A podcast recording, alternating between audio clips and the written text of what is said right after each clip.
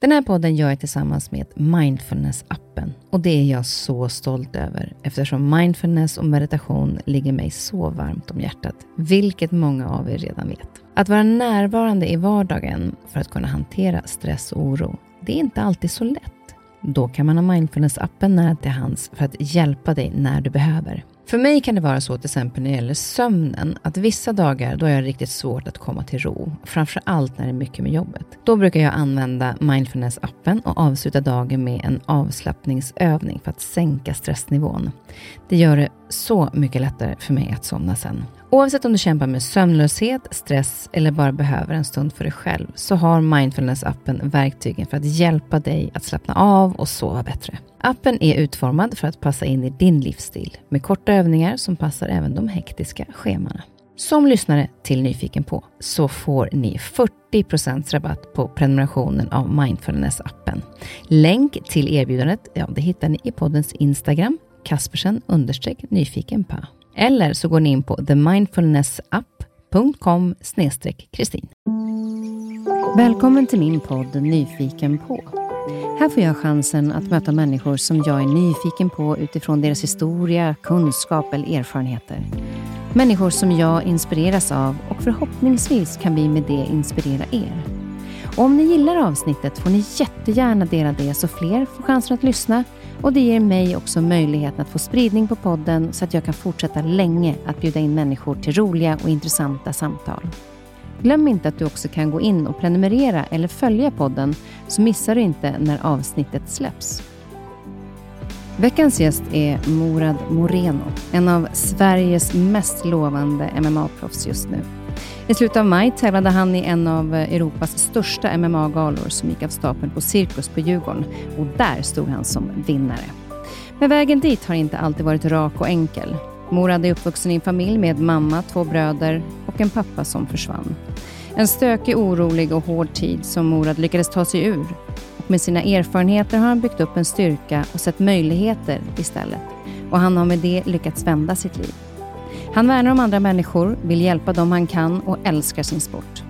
Jag är nyfiken på hur han klarade av att se det goda när så mycket svek, skam och ord har präglat hans barndom. Jag undrar också om han vågar känna rädsla ibland och hur han gör för att hantera den. Och dessutom nyfiken på hans enorma kärlek till idrotten och vad den har betytt för honom. Det är så härligt att ha dig här. Välkommen Morad. Tack verkligen. Eh, har du börjat? Ja, du får, ja, precis. Vi har börjat, men du kan komma lite närmare mikrofonen. Yes. Så då. Eh, sådär, perfekt. Ja. Och så hör du dig själv i hörlurarna om du försvinner för långt bort. Yes. Du spelar in nu eller? Jajamensan. Yes, kanon. Nu är vi på.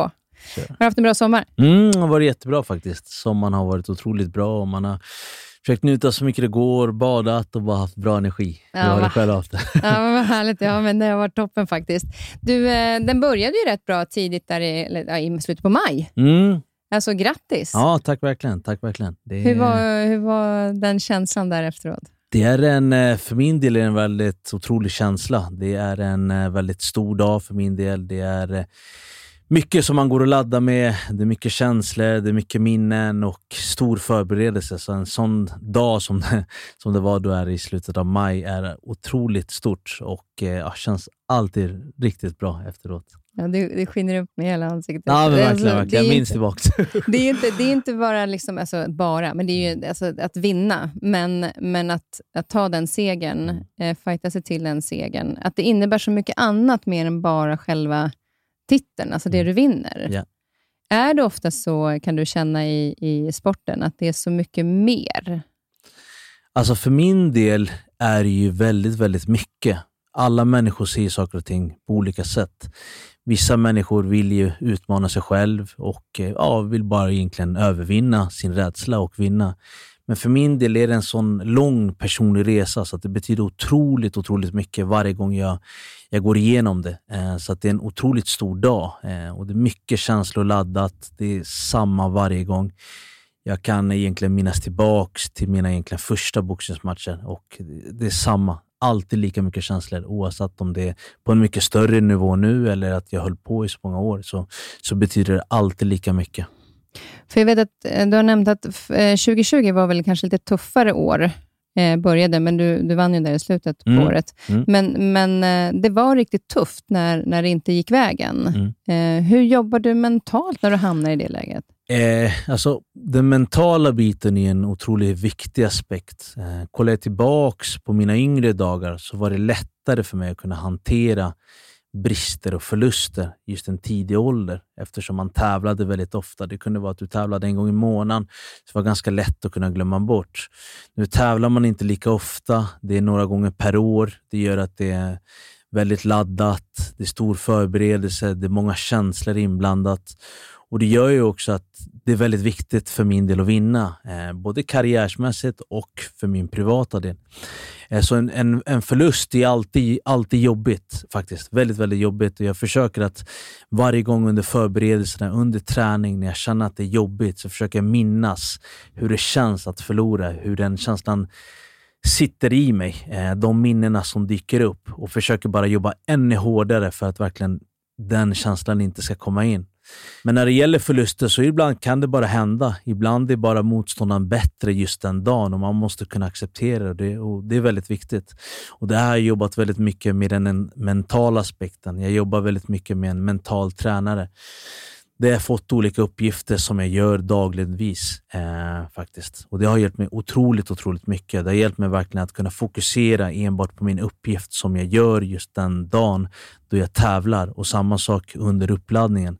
Att verkligen fokusera på rätt saker. Inte lägga energi på onödiga saker såsom motståndaren, hur hårt han tränar, vad gör han? Utan lägga tid på min del. Vad behöver jag göra bättre? Vad är jag bra på? Eh, och eh, ja, egentligen bibehålla mitt lugn. Är det så den mentala coachen jobbar? Att man liksom fokuserar på det du kan påverka och inte så mycket på den andra? Ja, men om, om, om, jag kollar tillbaks, om jag kollar tillbaks på åren så har jag egentligen samarbetat med olika egentligen mentala tränare. Och det är ganska kul för att alla jobbar ju väldigt olika. Jag skulle vilja säga att de flesta mentala tränare jobbar ju mycket med ditt varför, din eld som du har inombords. Eh, och Jag skulle vilja säga att det är helt fel aspe as aspekt att kunna fokusera på.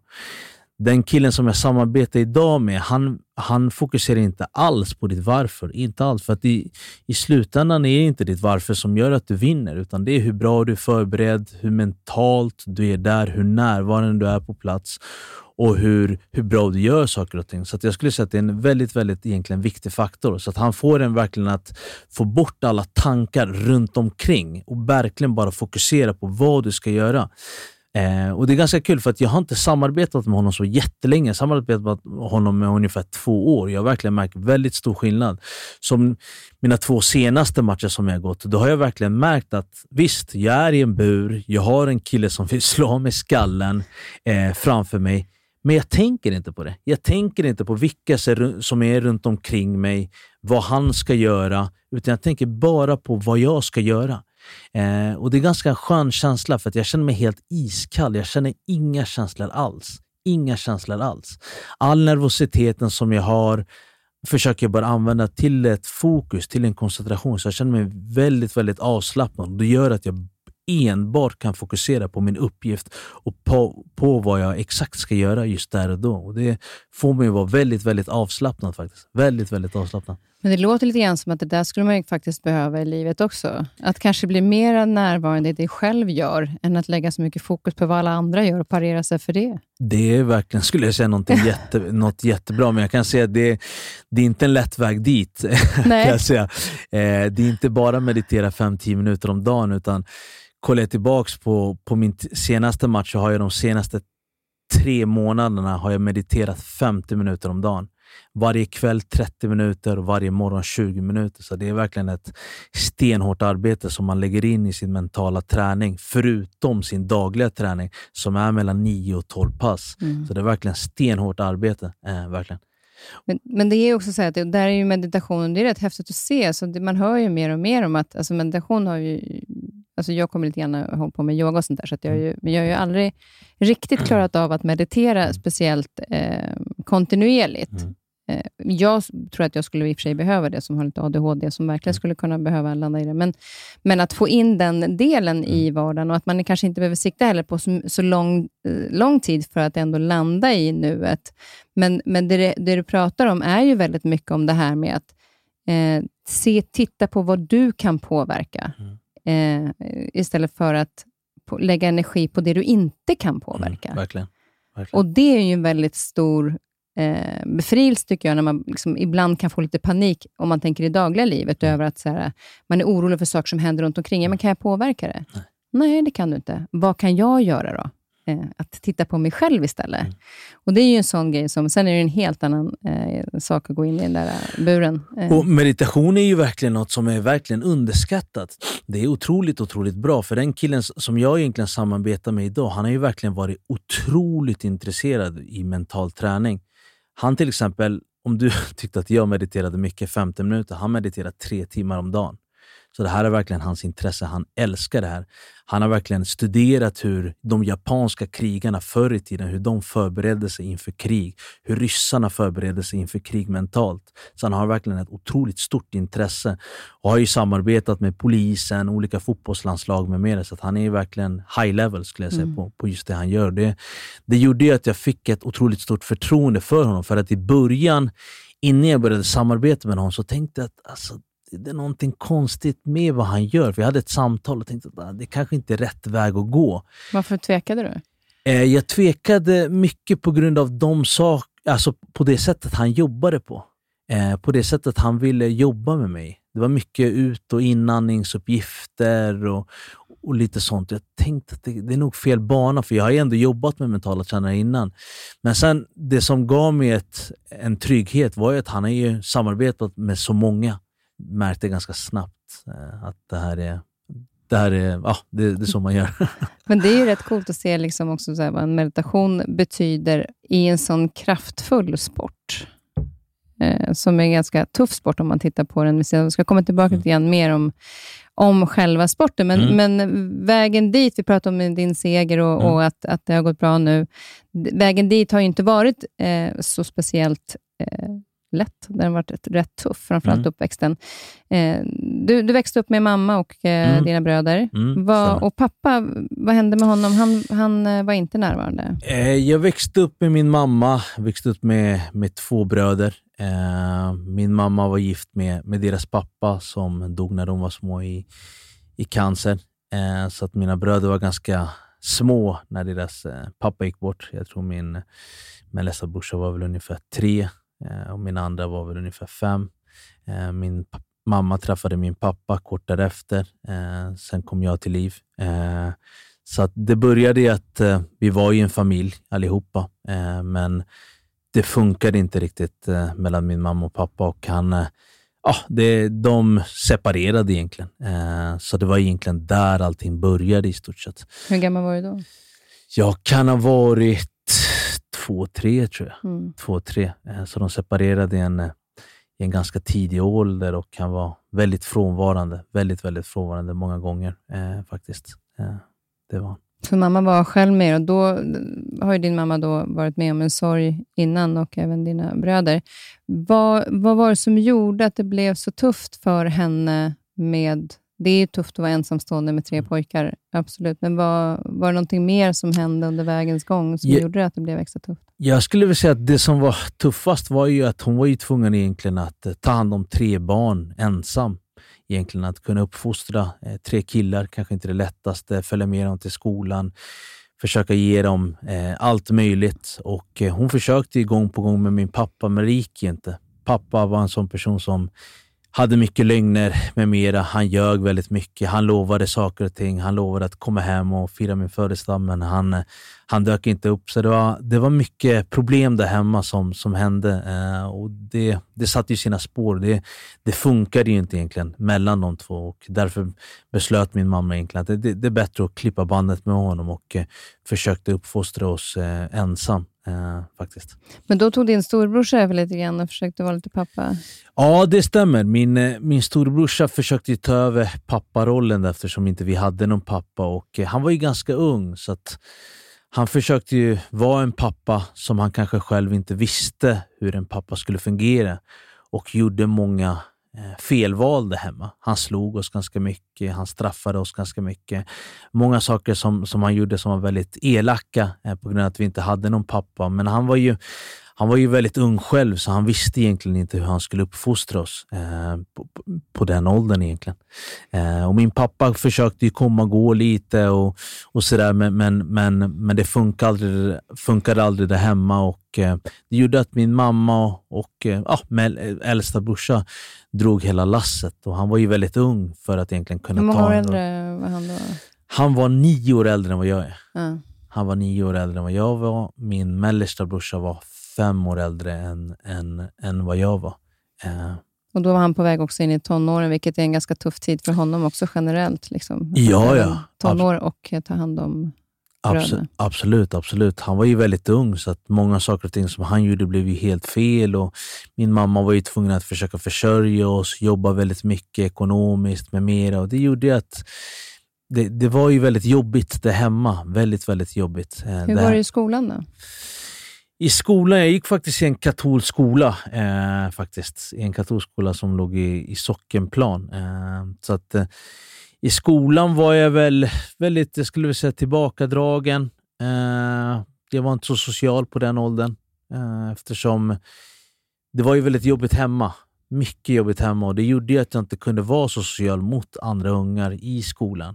Eh, och Jag märkte av det i en ganska tidig ålder och det var väldigt jobbigt för att jag visste om det, men jag kunde inte prata med någon om det. Jag tänkte att det, det, det är väl så det ska vara, det är väl så det är.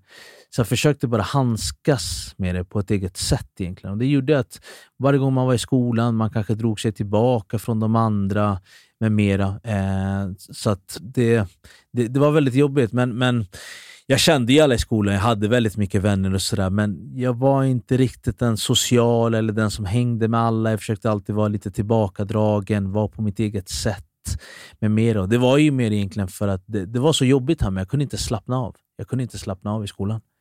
Men kunde du också se att om du eh, var hemma hos några kompisar någon gång ibland också kunde se att deras familjer levde liksom på ett annat sätt, eller, eller visste du ingenting annat?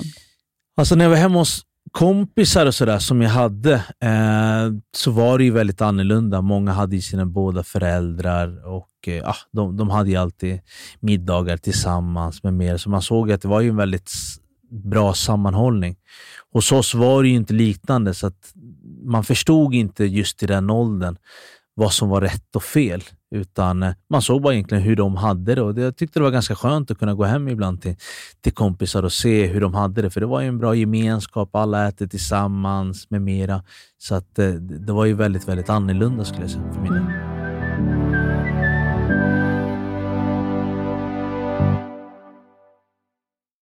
Jag vet att du berättade någonting om en, också en skolavslutning, till exempel, när inte din familj kunde komma, eller någon, utan det var klasskompisarnas familjer som... Eh, ja, exakt. exakt. Det, vi hade några skolavslutningar i, i, i skolan och det var så här varje gång vi slutade skolan så brukade olika elevers föräldrar komma och egentligen plocka upp eleverna. Eh, och eh, min mamma var ju så himla upptagen i sitt. Hon var ju tvungen att egentligen försörja oss som, som tre killar och verkligen kunna få det stadigt ekonomiskt hemma för att få det att kunna gå runt. Och en så tydligt minne som jag kommer ihåg när, när jag var yngre, det var att alla barn eh, efter skolan sa ah, nej, men ska ni hem? Ja, absolut, jag ska hem. Kommer din pappa? Ja, min pappa kommer, min mamma kommer. Och sådär. Jag kommer ihåg att jag, jag, jag brukade göra två saker. Antingen att jag gick in, låste in mig i toaletten tills alla hade, hade gått ut i skolan, så att ingen skulle se eller höra eller, eller fråga efter mig, så att de inte skulle märka. Eller att jag egentligen sa till de andra eleverna, nej men min mamma kommer, jag väntar här inne och sådär. Och Det som hände var att alla eleverna gick ut ur skolan, de gick till sina föräldrar och när de väl hade gått, då kom jag ihåg att jag gick till nödutgång ut dörren, tog den vägen och gick hem eller kom ut ur toaletten eh, och gick då hem. Och Det var något som var väldigt jobbigt, för det här var inte något som hände bara en gång, utan det var väldigt många gånger. Eh, väldigt, väldigt många gånger. Eh, föräldrarna hämtade sina barn nästan ah, fem dagar i veckan eller tre dagar i veckan. Så det här var ju en, ett beteende som jag fick till mig att göra i stort sett nästan varje dag i skolan. För att jag hade ingen som kom och hämtade mig. Eh, och Det var väldigt jobbigt. Väldigt, väldigt jobbigt. Men men i mitt huvud när jag var i den åldern, jag förstod inte vad som var rätt och fel. Utan jag tänkte att det här är normalt. Det, det är så här det ska vara. Jag får bara lära mig handskas med det. Och, eh, Men ganska otroligt ändå att du hittade liksom ett sätt att hantera så tidigt, att inte möta de andra, utan att du, du hade din rutin. Du gick in på toaletten och stängde dörren och så gick du ut nödutgången. Att få in det som en rutin är ganska otroligt ändå, som när man är så liten. Ja, verkligen. Absolut. Det, det, det kom ju, alltså, jag skulle vilja säga att jag, jag, skämdes ju så pass mycket. Och Det, var gjorde att mycket jag- skam också? Eller? Det var mycket skam, mycket, mycket skam. Allt var skam. Väldigt mycket skam. Och det gjorde att jag inte kunde... Jag kunde aldrig berätta om det. Jag skämdes redan. Jag visste att det var fel. Jag visste att det var fel. Eh, men jag visste inte hur jag skulle kunna berätta det till någon. Jag visste bara att min mamma där hemma, hon försökte på sitt bästa sätt. Och det är bara så det är Mora. Du, du måste bara lära dig hantera det här. Det, det, det är inget som du ska dela med dig om. Det här är en, eh, något som händer i familjen. Alla familjer går igenom olika saker. Det här är det som händer i din familj. Och det, du måste bara lära dig kunna hantera det. Men det, det kom i tidig ålder, men, och du pratar ju om att det här är väldigt mycket att du liksom drog dig undan och att du inte ville berätta. Blev, du liksom, blev det också stökigt för många som kanske, eller många ska säga, men det är ju de som har haft det tufft hemma som blir ganska stökiga sen i en viss period i livet. Eh, där det liksom, man, man testar gränser och liksom, nästan så här att jag får ingen uppmärksamhet annars, och gör jag det här kanske så, får jag, så ser någon mig. Alltså att det blir en sån situation. Men var du alltid, även uppe i liksom, övre tonåren, också tillbakadragen? Nej, alltså jag skulle vilja säga att jag, jag var ju lite tillbakadragen, men, men jag kunde ganska skifta ganska fort också. Var väldigt social med mera. Men jag skulle vilja säga att mestadels, alltså, problem skulle jag inte säga att jag hade så mycket i tonåren, alltså jag själv, att det var något drogproblem eller, eller, eller sådär. Det, det har det aldrig varit, utan det är, mestadels har det ju varit problem hemma skulle jag säga med min mellersta bror tillsammans med min mamma. Han hade ju väldigt mycket drogproblem hemma. Ja, för det, han hamnade ju snett. han hamnade väldigt snett eh, faktiskt. Och Det var ju där egentligen min mamma försökte koncentrera sig mestadels på. Han hade ju väldigt mycket drogproblem, eh, otroligt stort. Och Det gjorde att man såg sin mamma gråta väldigt många gånger. Eh, och Det var väldigt jobbigt för att jag var ju en tidig ålder och jag behövde gå upp tidigt till skolan eh, med mera. Och det, det, det, man påverkades eh, otroligt mycket av det. Eh, men jag försökte bara egentligen hantera det på mitt eget sätt. Att bara försöka vara stark, hantera det. Eh, det blir inte bättre för att du klagar. Det är ett tankesätt som jag haft sedan långt tillbaka. Och, så det blev mycket att man, man försökte handskas med det själv bara. Och, eh, eh Man såg att största egentligen energin gick ju att försöka hjälpa min bror med mera. Eh, Så det är mycket minnen som kommer därifrån. Eh, Jag kommer ihåg en ganska starkt minne i att jag vaknade upp mitt i natten, eh, att min eh, bror kom hem efter en kväll ute på stan och min mamma hade vaknat och konfronterade honom. Och han skrek då och de började tjafsa och han skrek om att han skulle ta sitt liv, ena andra. Och då får du tänka att jag skulle till skolan dagen efter. Jag vaknade upp i mitt rum och tänkte, vad, vad är det som händer här? Eh, men eh, ja, gick inte ut i rummet utan jag lyssnade, satt vid dörren, lyssnade på vad som, vad som hände. Och det, det, det är sådana minnen som, som sitter i ens hjärta för man kommer på det ganska, ganska drastiskt. Eh, dessa situationer som, som dyker upp. Det, det var väldigt svårt, allt blev väldigt svårt. Eh, det, det, det går inte att komma som glad kille, social kille till skolan dagen efter när man får höra sådana saker och ting som, som händer i hemmet. Så att det, det, det är saker och ting som har påverkat en väldigt, väldigt mycket. Men, men kollar jag tillbaks eh, till mig just nu så, så är det så att jag försöker bara allt som har hänt, jag försöker använda det till en drivkraft. Allt som har hänt, det spelar ingen roll om det, om det är dåligt, om det är bra. Allt har blivit en drivkraft. Jag försöker använda det som en energi till allt. För man ser ju att, eh, jag ser ju att det här berör dig starkt eh, och att det fortfarande sitter kvar. Är det, var, det, var det framförallt känslan av oro och rädsla som du kände då för vad som kunde hända? Det var ju i stort sett allt. Jag skulle säga att det kunde ju vara allt från konsekvenserna i hemmet till vad ska jag göra om, min, om någonting händer med min familj, till om vi blir utkastade från huset, till att jag måste till skolan imorgon, till att jag har fotbollsträning imorgon, till att jag kanske har utflykt imorgon, vem ska packa med? Alltså allt, allt, allt egentligen eh, kom ju upp verkligen som, som minnen. Så det var ju verkligen, det var ju verkligen jobbigt, väldigt jobbigt. Och, och allt den, all energi gick ju till att försöka hjälpa min brorsa. Det var inte så konstigt för att han hade ju de största problemen. Så jag försöker aldrig blamea min mamma idag, utan hon gjorde sitt bästa. Hon försökte hjälpa oss på, på bästa sätt som, som hon, hon kunde. Men det största problemet just där och då var ju han och det gjorde att jag hamnade utanför. Eh, jag var tvungen att kunna hantera allting på eget sätt. Vilket egentligen inte ett barn ska behöva. Alltså om man tittar tillbaka på det så är det ju inte det, utan det, det är ju eh, inte konstigt om det är Alltså att den känslan av oro och rädsla har påverkat en sen under livets gång. Men ofta så kan man ju höra om berättelser att det kanske har varit en, någon annan vuxen som har sett den, man har bekräftat sig, fått, blivit bekräftad genom, eller man hittar en sport, eller man hittar en gemenskap någonstans, där man ser någonting annat som kan hjälpa en, utan att vara helt ensam. Hittar du någon sån plats någon gång? Jag, vill, jag skulle vilja säga att jag, jag, jag, sökte ganska ständigt på ett sätt att kunna hantera mina känslor. Jag spelade mycket fotboll, men, men kände att lagidrott var ingenting för mig. Eh, jag hade väldigt mycket energi. Väldigt mycket energi. Testade runt lite olika sporter med mera. Testade basket, men märkte att det var ingenting för mig. Så att första dagen egentligen som, som jag la mig i, i, i kampsportslokalen, jag blev ganska direkt kär skulle jag säga. För att jag märkte att det här, jag har verkligen hittat rätt. Det här är verkligen ett sätt där jag kan få, kan få ut mina känslor. Jag kan få hantera mina känslor i verkligen extrema nivåer. Där det är verkligen svårt att kunna hantera en ilska eller känslor som finns där. Eh, så att när första gången jag kom till kampsportslokalen så visste jag direkt att jag hade hittat rätt. Och eh, blev helt störtkär. Verkligen störtkär. Du får tänka att när jag spelade fotboll, jag spelade på en ganska hög nivå. Då tränade man kanske tre, fyra gånger i veckan till att när jag började i kampsport, det blev nästan den dubbla dosen ganska direkt. För att jag märkte verkligen att där inne är du verkligen ensam.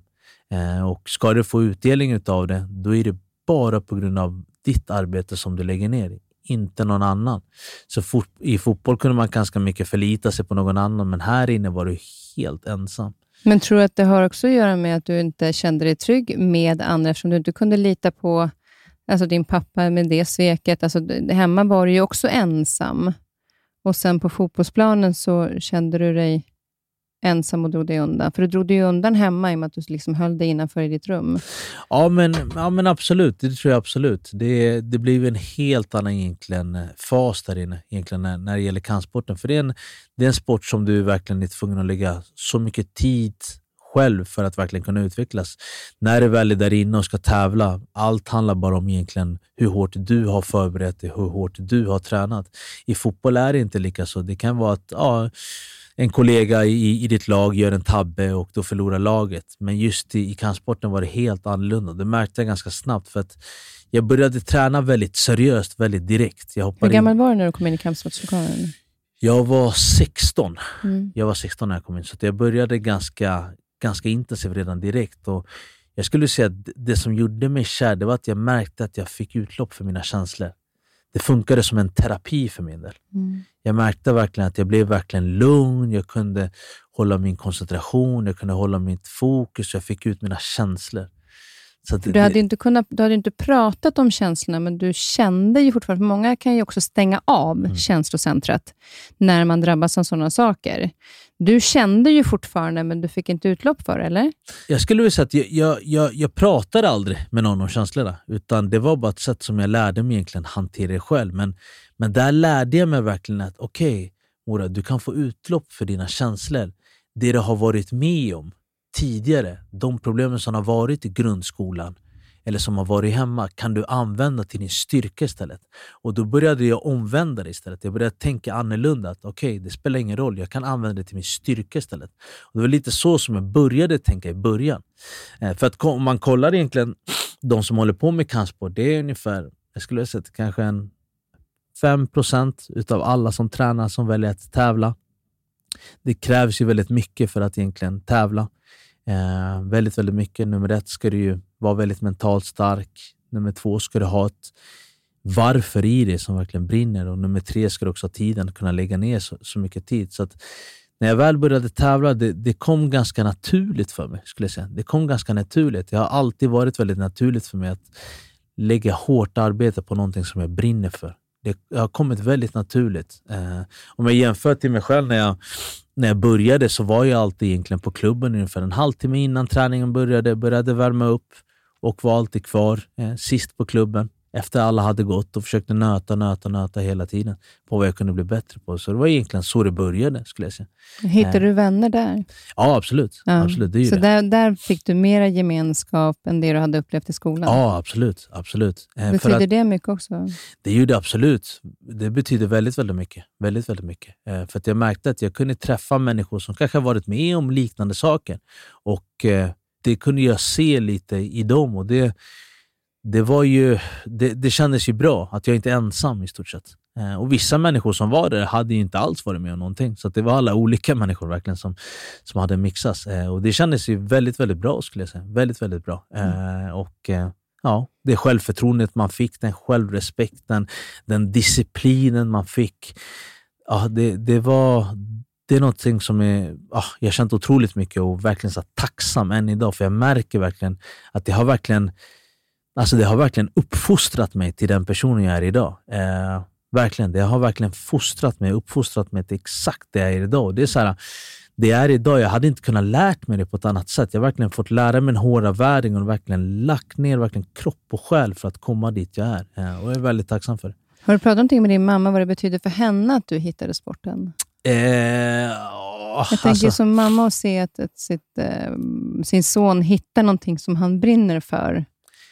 Ja, absolut. Jag, jag har ju pratat lite med min mamma och sådär. Jag tror som alla mammor, de gillar inte kampsport. Ganska Nej, naturligt. Alltså, ja, vi ska komma till det sen. så så, så den, den biten gillar hon inte, men hon blir väldigt glad att det går bra och att uh, man tar ju fler steg i karriären, går ju bara bättre och bättre och bättre och, och sådär. Och, uh, hon är glad att uh, jag kan använda det till, till en styrka eller sådär. Mm. Men, men jag skulle vilja säga att i början var det väldigt jobbigt för att du får tänka att anledningen till att jag började, det var hur jag, för hur jag hade haft det hemma. Och när jag väl började, då fick jag aldrig någon stöttning utav min mamma eller pappa. De skällde alltid på mig för att jag gick på kampsport. Och det var för inte att så... de var oroliga eller för att de inte tyckte att det var en sport att hålla på med?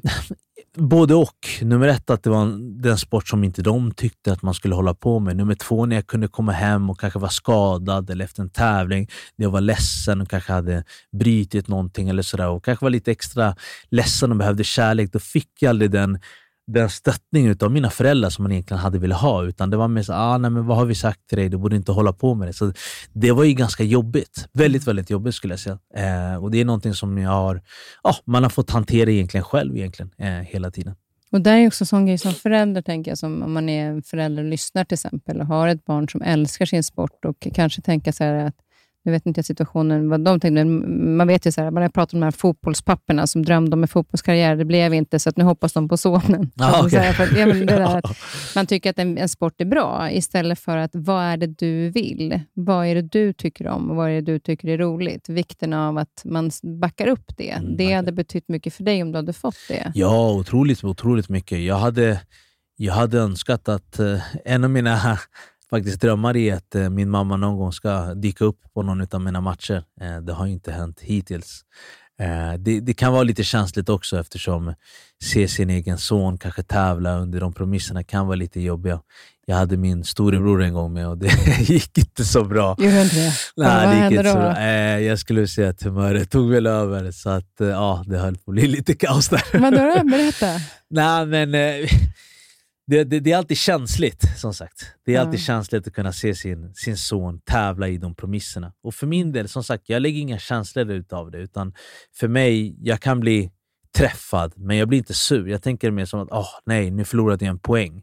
Lite i mm. den fasen har jag kommit. Men jag kan förstå att andra som kanske kommer in och ser sin son eller Brorsa. sin bror, det, det, är väldigt känsligt. För det är, ändå, det är ändå slag som kommer. Det är verkligen stenhårda slag. Det kan vara sparkar, armbågar, knän, allt möjligt. Och du får tänka att motståndaren försöker ändå sänka dig.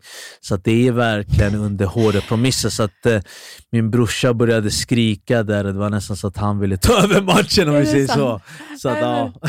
Han blev verkligen storebror. Ja, det blev han. Det blev han för det är ju ändå det, alltså, jag kan ta upp en gång, men jag har ju varit och kollat på en MMA-match för länge okay. sedan ah, och satt längst fram. Ah, nej. Ah, panik! Alltså, dels höra när ni just träffar varandra. Alltså det smäller ju duktigt. Och för en annan, alltså gå in i en stor bordskant. Alltså, aj som fan. Alltså, och se, det är liksom innan man förstår själva sporten i sig. Och då, jag ska inte säga att jag håller på med någon kampsport, men jag har ändå tränat lite taekwondo mm, förut. Liksom, Mera för att tekniken och sådär. Men, men det är ju liksom lite läskigt tills, om man är ovan vid det. Och, alltså, skulle jag se min son, jag skulle ju nita den där andra jäveln som ger sig på min son. Jag tror alltså, det är många som tror så. Ja, men det är ju det. Så där på ett sätt kan jag förstå. Sen skulle jag hoppas jag på att jag skulle ta mig modet till och bara så här, för barnets skull. Men det mm. är ju också så att ens barn är ens barn, alltså, mm. även om ni är vuxna. Mm. Liksom. Ja, det är ja. full... Eh, så jag kan ju fatta att din brorsa kanske Ja, absolut. Det, det, det, är ju, det är känsligt. Jag skulle vilja säga att det är väl där som, som, som jag egentligen har fastnat. För det är ju så att vad man än har varit med om sitt liv så har ju alla människor sin historia. och den historien jag har varit med på, det, det, har gjort att jag har blivit... Alltså man kan, ah, alltså humöret kan gå upp och, och, och lite sådär, men man har ändå lärt sig att kontrollera genom åren.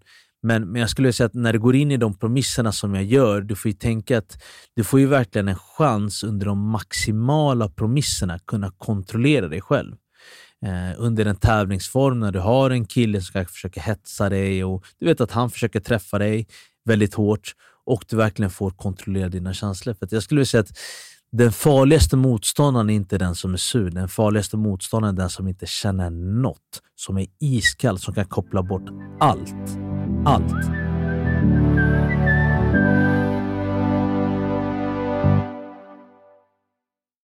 Men jag tänker också så här, vid, vid, eh, vi har ju pratat med mamma och, och, eh, om mamma och eh, att hon verkligen liksom har försökt göra sitt yttersta för att hantera den situationen som ni var i. Men vad hände med pappa? Har du liksom haft någon kontakt med honom senare? Eh, alltså, du jag, har ju en syster också. Ja, ja det, det, stämmer. Det stämmer. Eh, alltså jag och min pappa, vi har ju inte den bästa relationen och, och det, det, är inte så konstigt eftersom han aldrig har, funnits där. Eh, det, det, det har ju satt sina spår. Och min mamma egentligen för att skydda mig, så när jag var yngre, när jag fyllde år, så brukade hon lura mig när inte jag var hemma att ah, men din pappa har ringt, han ville säga grattis till dig fast han egentligen inte gjorde det. Det var ju mycket för att inte egentligen göra mig ledsen. Och alla de sakerna har ju berättat idag. Eh, och, och det, det, är väldigt jobbigt för han var ju aldrig närvarande. Han var ju aldrig närvarande eller hjälpte mig mera. Så att det är saker och ting som verkligen har varit jobbigt. Och för ungefär, vad kan det varit, två, tre år sedan så hade jag och min far en väldigt stor diskussion. Eh, där vi blev verkligen ja, ovänner skulle jag säga. Eh, och och eh, när jag berättade för min mor så, så fick hon droppen egentligen. Och då berättade hon att eh, jag hade en halvsyster och det får jag alltså...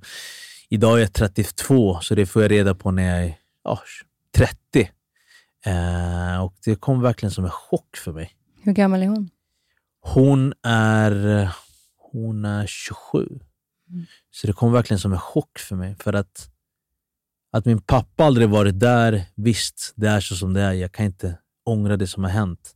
Eller det som har hänt, det, det, du kan inte göra någonting åt det. Men att få reda på att man har en syster som man haft i en sån lång period och aldrig fått träffa henne och att han aldrig berättat det.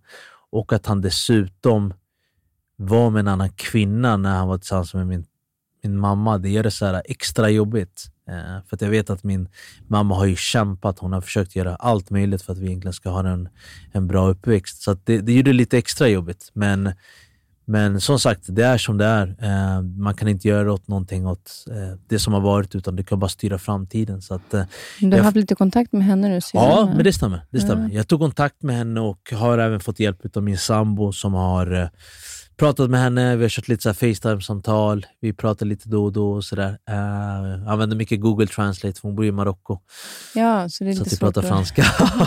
har det blivit bättre på franska? Eh, ja, men jag pluggade franska tre år, så jag, jag klarar mig. Mm. Jag klarar mig. Men eh, Google Translate gör ju verkligen det hur bra som helst. Vi gör det lite lättare? Ja, verkligen. Vi håller så långa dialoger och man kan skriva. Och, ah, det, det, det känns otroligt bra. det. Men, men vad var hennes reaktion när hon fick reda på att hon hade bror?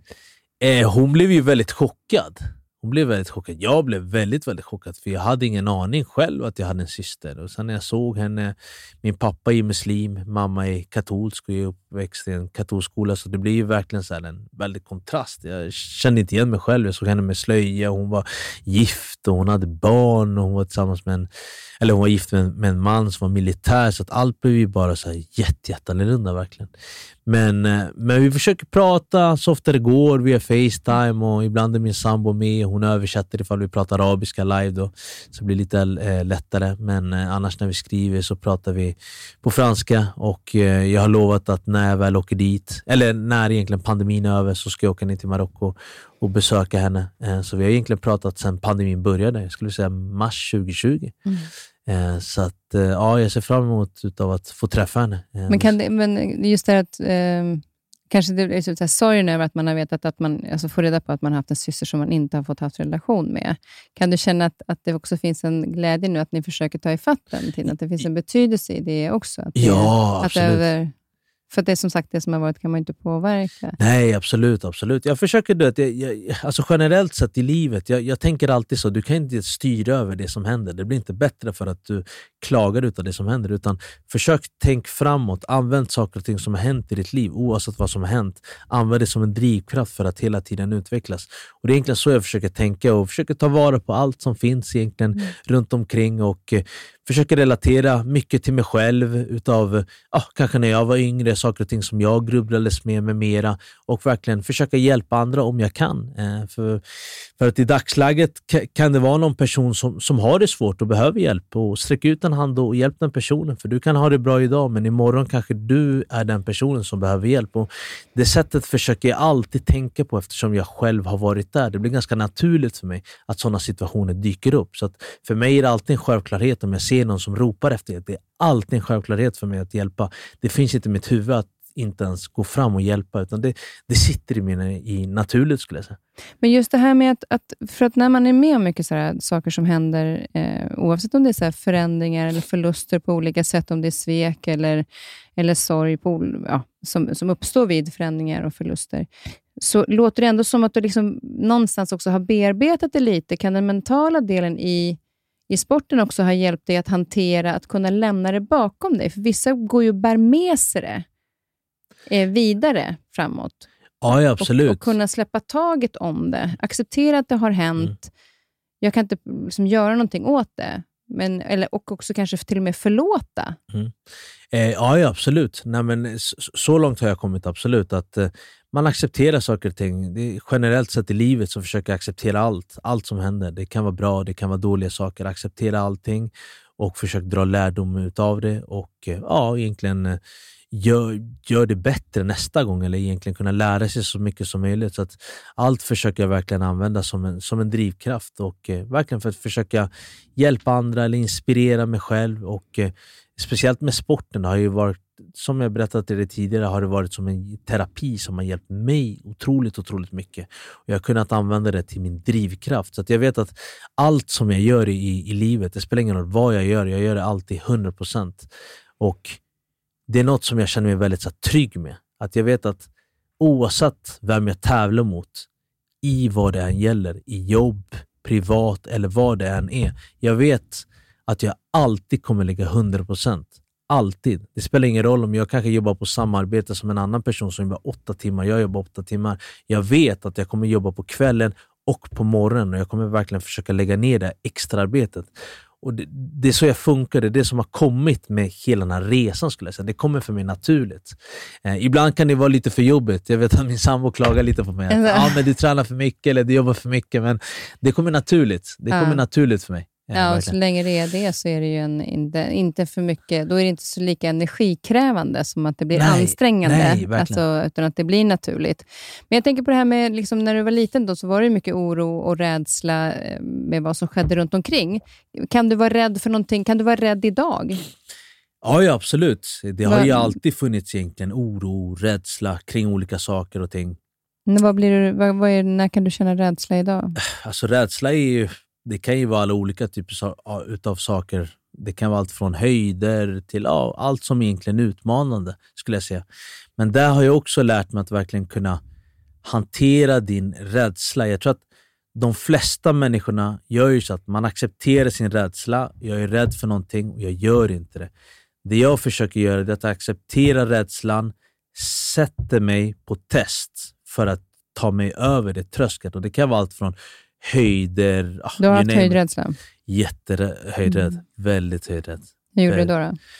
För att komma över den jag, jag var, alltså det, det, det, är ett ständigt arbete Aha, så, okay. som man gör. Du, du tar det stegvis uppåt? Alltså. Eh, nej, alltså, det, om vi säger så här, höjder är något som jag alltid har som rädsla. Än idag, fast jag tagit över mig. Så varje gång jag ska utsätta mig för det så är det alltid en rädsla. Så att, kunna relatera till eh, till exempel förra året var jag, eh, min sambo och lite vänner var i Saltsjöbaden. Där har de så hopptorn. Mm. Så vi var där och badade. Och eh, när vi kom in dit, eh, så det första jag gjorde var att titta upp och så såg jag oj det är 12 meter, det är 3 meter, det är 5 meter, 8 meter. Okay. Så vi går upp högst upp eh, och jag är en sån person, jag älskar att utmana mig själv. Älskar att utmana mig själv fast jag vet hur jobbigt det kommer vara att ta det där klivet. Så älskar att utmana mig själv. Så det, det, första vi gör är att gå upp för att kolla ut tolfte. Eh, och så kollar jag upp och det känns som att man är uppe i en skyskrapa. Ungefär samma känsla. Eh, och min första tanke var bara att Okej, okay, Murad. Eh, klockan är 11 nu. De stänger 18. Det jag vet innan jag går härifrån det är att jag kommer hoppa härifrån. Eh, hur jag mår efter, det vet jag inte, men det, det är det enda jag vet.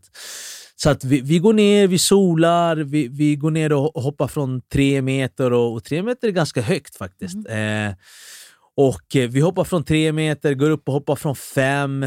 Fem börjar bli jobbigt. Redan fem börjar bli jobbigt. Jag börjar titta ner och tänka att äh, det, det, det, här är högt. Det här är högt. Men som sagt, 12 meter är väldigt högt så det gäller verkligen att kunna hoppa. Det är inte bara att ta klivet utan du kan verkligen skada dig. Och, eh, det, det gäller att verkligen vara konsekvens med det som kan hända. Så att det jag gjorde det är att jag hoppade egentligen från femman kanske åtta gånger. Bara för att hitta lugnet i mig själv. Och då, kommer, då skulle jag säga att den här erfarenheten kommer kickar igång. Allt med en mental eller till när jag egentligen ska förbereda mig inför match. För det är samma inre resa man går igenom. Så att jag går upp, hoppar från åttan och åttan var otroligt jobbig att hoppa från. Otroligt, otroligt jobbig att hoppa från. Och Sen går vi upp då till, till tolvan och eh, jag såg bara att det var massa människor som var där uppe och det var ingen som egentligen, som egentligen hoppade. Eh, och Det gör att jag får en så här äh, inre drivkraft. Jag vet inte varför, men om det kan vara att det är någonting att jag vill bevisa för mig själv eller att jag vill vara en förebild för andra eller jag vill inspirera andra. Jag vet inte vad det är, men då, då känns det som att en så erfarenhet kommer in i mig och lugnar ner mig och verkligen får mig att ta det klivet och bara hoppa. egentligen. Eh, och inte känna någonting. Och en... Du tvekade inte så länge, utan du nej, bestämde ganska målmedvetet? Ja, nej, men jag gick fram, tittade, okej, okay, accepterade det högt, backade, försökte tänka, okej, okay, blundade och bara sprang ut och egentligen hoppade.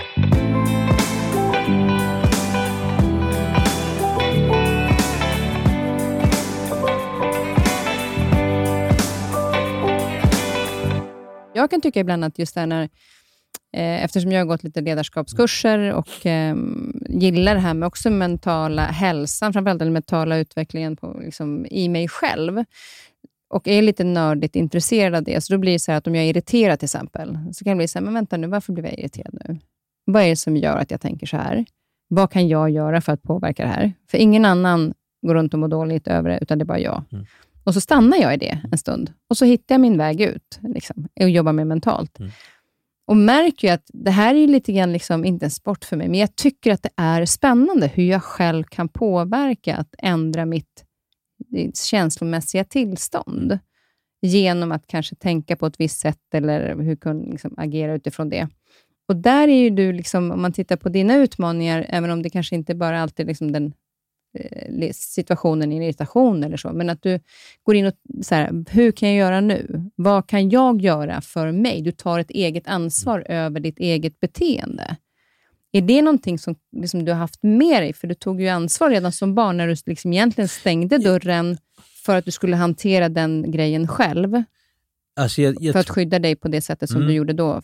Mm. Nej, jag, jag, förstår hur du tänker. Eh, Alltså, det har ju alltid varit någon så ständig egentligen sekvens av hela tiden söka utveckling, att utmanas med mera. Och, alltså, kan jag relatera till mig själv i, i tidig ålder? Jag hade ju egentligen ingen som lärde mig vad rätt och fel var. Jag var ju tvungen att egentligen, ja, egentligen uppfostra mig själv på mitt eget sätt och ta mina egna steg i livet skulle jag säga. Eh, så det har ju det har gjort också att jag kan lita verkligen väldigt mycket på mig själv och mina egentligen beslut som jag väljer att ta. Eh, och det, det, är ju det är en stor fördel som jag har utav det. Och mm. Om jag tänker tillbaka, på sen, eh, det kommer upp så situation bara i huvudet. En situation som jag kommer ihåg ganska klart och tydligt till när jag var i skolan. Det var att ibland hemma, som sagt, vi hade det väldigt svårt ekonomiskt. För vi var ju, var ju tre barn och min mamma var ju tvungen att försörja oss. Vi hade en hög hyra, vi behövde kläder med mer. Och den här dagen så hade inte jag något SL-kort. Eh, och jag kommer ihåg då att den här, hela den här situationen hade hänt, att alla elever var i skolan.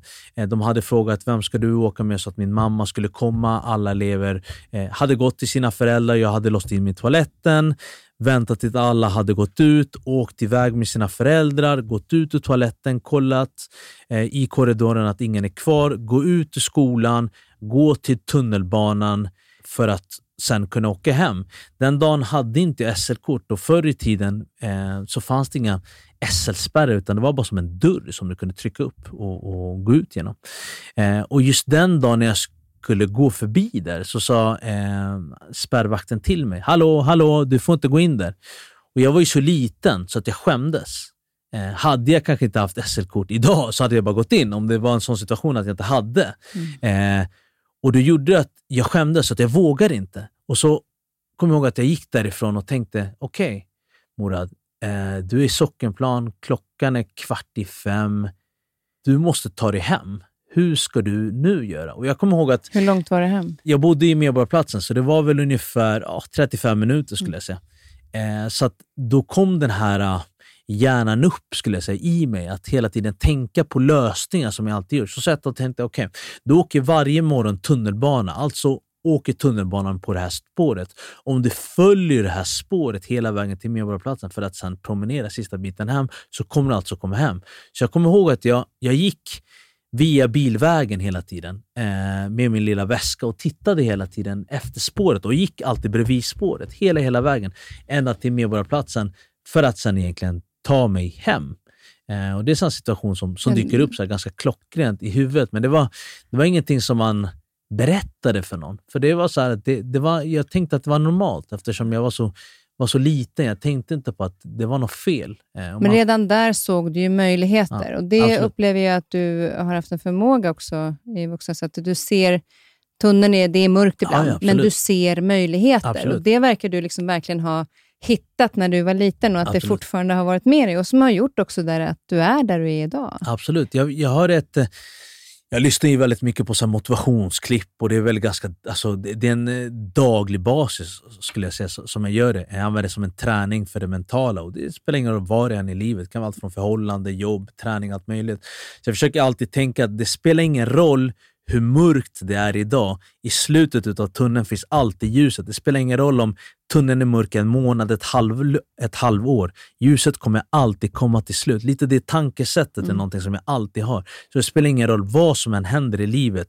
Jag försöker alltid tänka så. Det gör också att jag kan slappna av. Jag kan acceptera saker och ting. Oavsett om vissa saker och ting kan göra väldigt ont så vet att det kommer alltid bli bättre. Mm. Allt, blir, jag brukar säga, allt blir bra. Det tar bara lite olika lång tid Absolut. ibland. Men då är ju, tycker jag, den här, just där, att man ser den här tunneln och det är mörkt, men, men den tar ju slut. Absolut, eh, absolut. och det är det fina med det hela. Ja, exakt. Att, och det är så sjukt coolt när man ja. ser ljuset. Det är så jävla verkligen. värt att jobba för. Verkligen, verkligen. verkligen. När, vi pratade lite för sig lite grann om det du är nyfiken mm. på. Du var inne på det här med rädsla och mentala delen. Mm. Är det den delen som, om du, om du skulle välja själv någonting, så att det här är jag nyfiken på?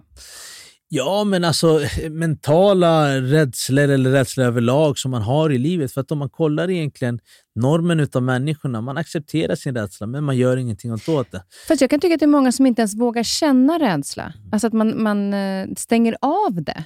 Eh, vilket betyder att man inte känner det längre. Och rädsla är ju egentligen en av de viktigaste sakerna från savannetiden. Att så här, vi överlever inte om vi känner rädd, inte känner rädsla, för mm. det är det som har gjort att vi förstår att det är en fara i närheten och att vi kan undvika den. Men att, att många som täpper till, hur viktigt, det är ju, hur mycket viktigt tycker du det är att, att våga känna? Jag tycker det är väldigt, väldigt viktigt. faktiskt. Väldigt viktigt. För jag skulle säga att någonting som du känner dig bekväm med att göra det är ju inte jobbigt. Men någonting som du är rädd för att göra det är ju jobbigt, men det är också där det kommer utvecklas. Det är där jag tycker att många människor ska verkligen kunna se att det är där utvecklingen sker. När någonting är jobbigt, när du är rädd för någonting, det är då du ska utmana dig för dig själv. Mm. För det blir verkligen bättre. Jag kollade jag såg en så här, äh, artikel, jag kommer inte ihåg vart det var någonstans, men, men om man kollar på svenska befolkningen. Svenska befolkningen är mer rädda för att prata framför människor i en grupp än för döden.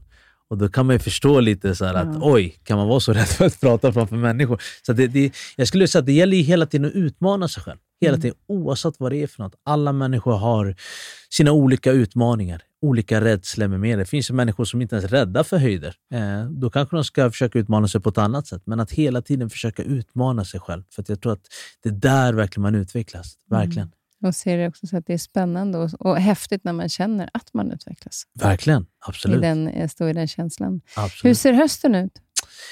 Hösten ser ganska positiv ut. Känns som att eh, saker och ting börjar öppnas upp nu. Eh, det är en del galor som kommer vara här under, eh, under hösten. Mm. Eh, så att, eh, det ska bli väldigt kul. Jag hoppas att saker och ting börjar öppnas upp. jag älskar ju resa. Hade mm. en del resor inplanerat, men som var tvungna att avbokas. så mm. att, men när galorna är igång igen, då är du igång?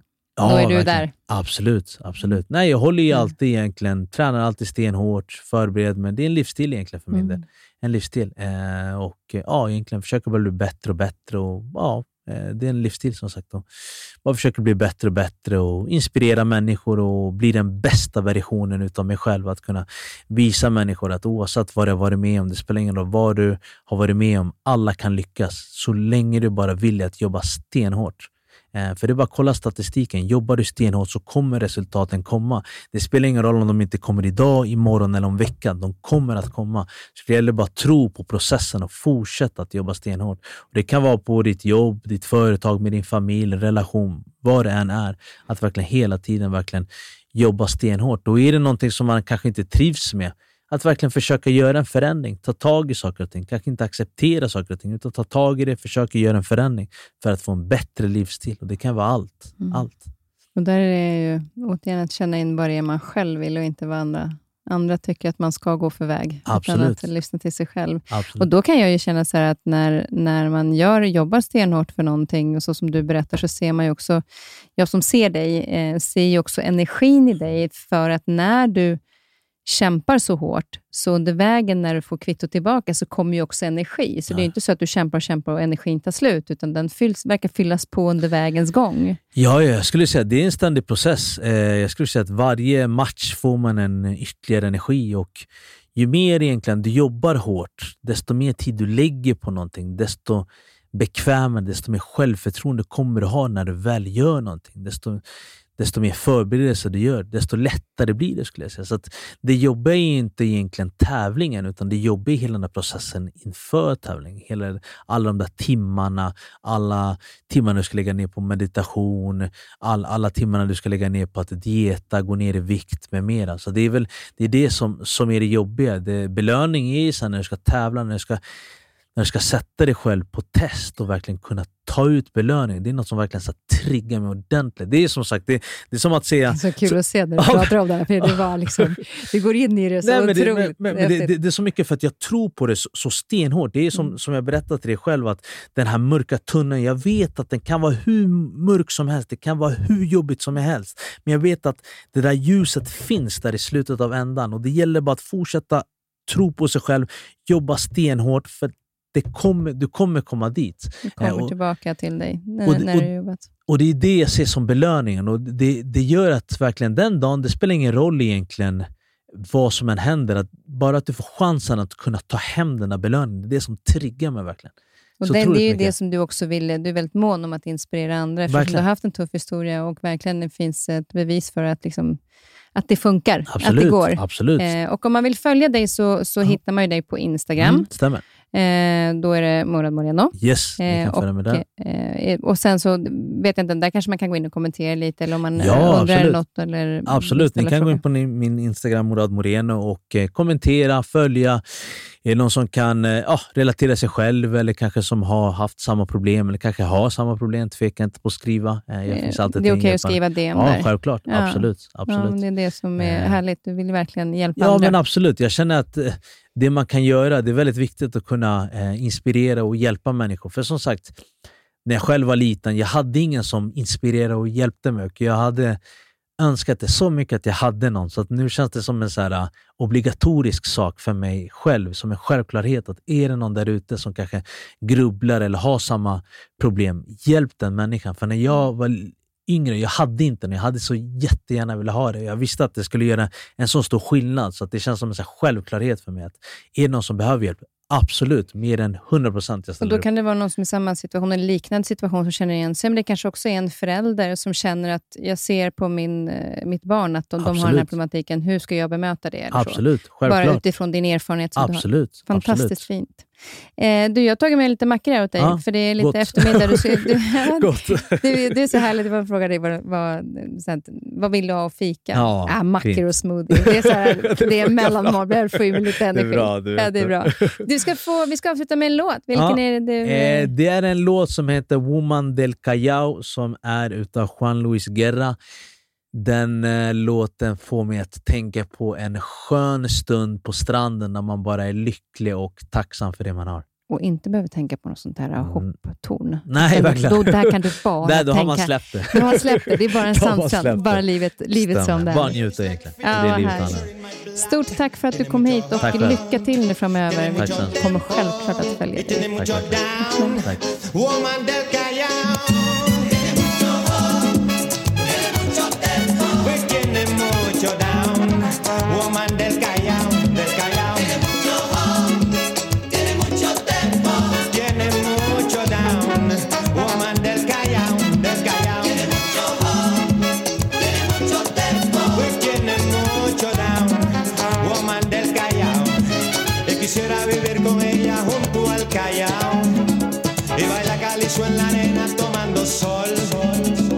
Sin tiempo ni pena, dancing in this paradise. Every time, ay, ay, ay, ay, ay, ay.